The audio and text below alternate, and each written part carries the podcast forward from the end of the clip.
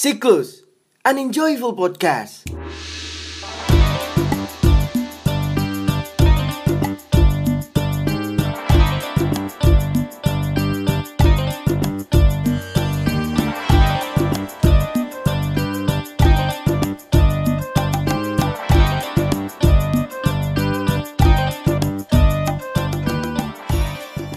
Halo Sobat Siklus, marhaban ya Ramadan.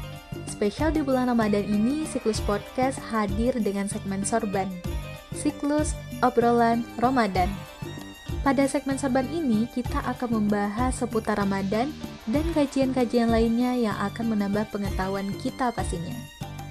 Aku Husna akan menemani Sobat Siklus pada segmen sorban ini.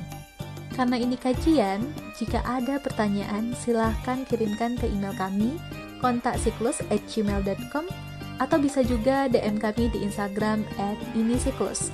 Semua pertanyaan akan kami jawab di podcast selanjutnya. Selamat menjalankan ibadah puasa dan selamat mendengarkan episode hari ini.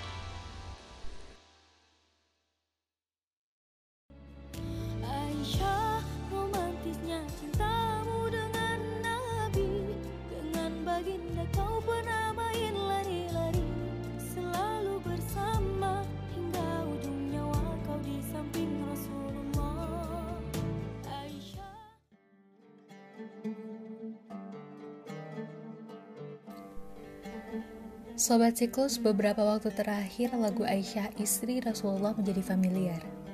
Liriknya menggambarkan bagaimana keelokan Aisyah dan kecintaan Rasulullah terhadapnya.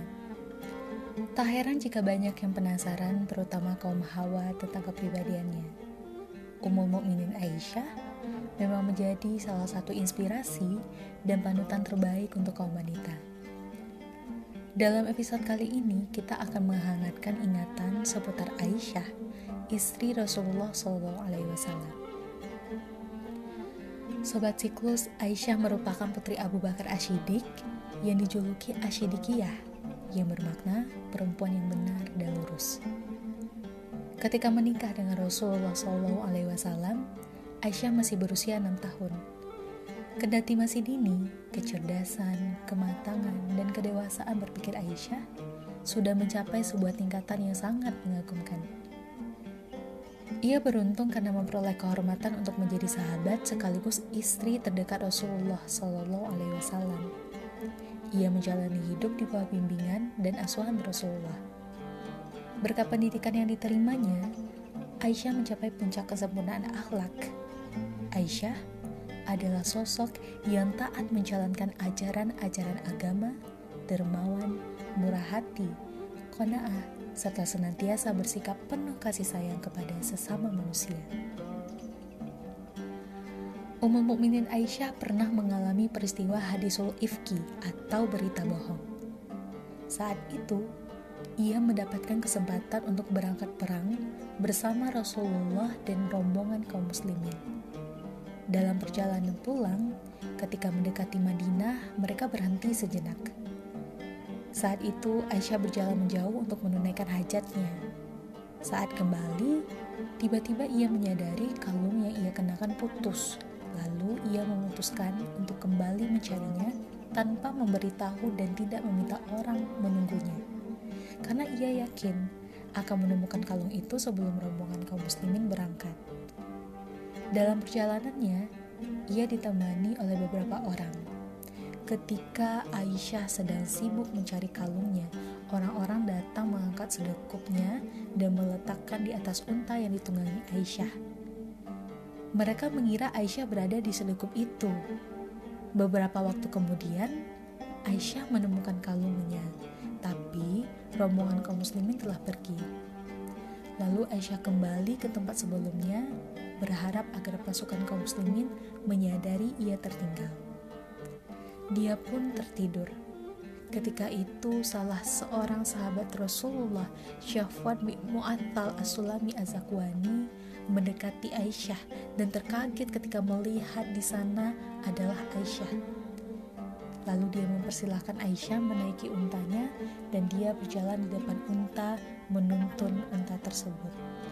Begitulah hingga mereka tiba di tempat pasukan muslim beristirahat.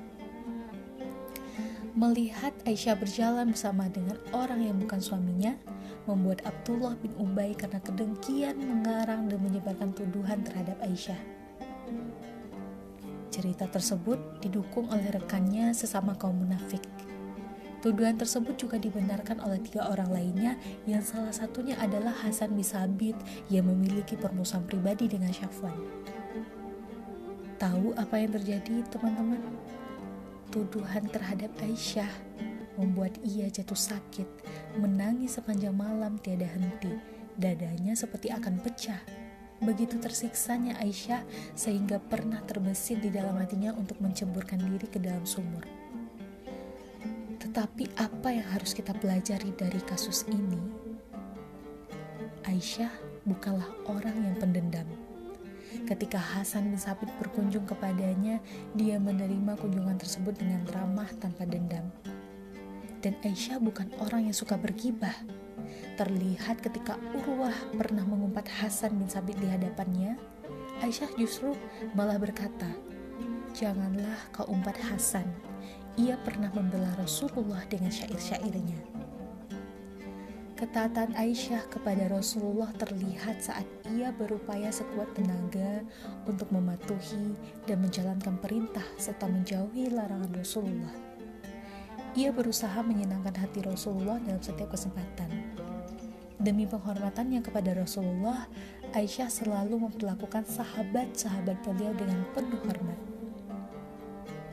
Di sisi lain, Sobat Siklus, Aisyah dikenal dengan perempuan yang memiliki pendirian yang teguh.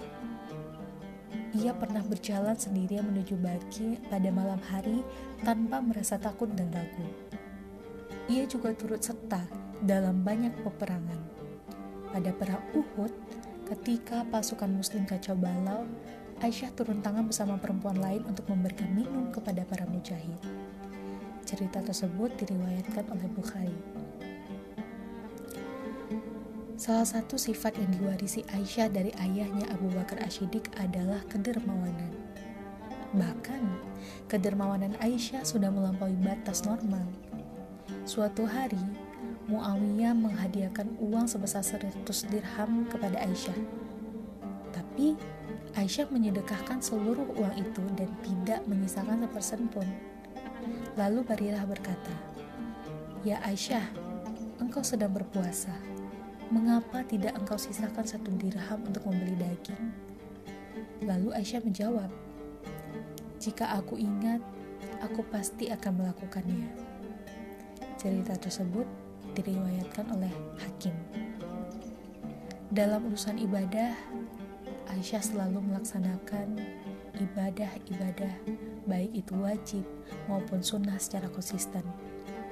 Seluruh waktunya malah diisi dengan zikir dan tasbih Salah satu ibadah yang rutin dilakukannya adalah sholat duha. Aisyah juga pernah melaksanakan ibadah sepanjang malam bersama Rasulullah. Dan ia selalu memperhatikan sholat tarawehnya.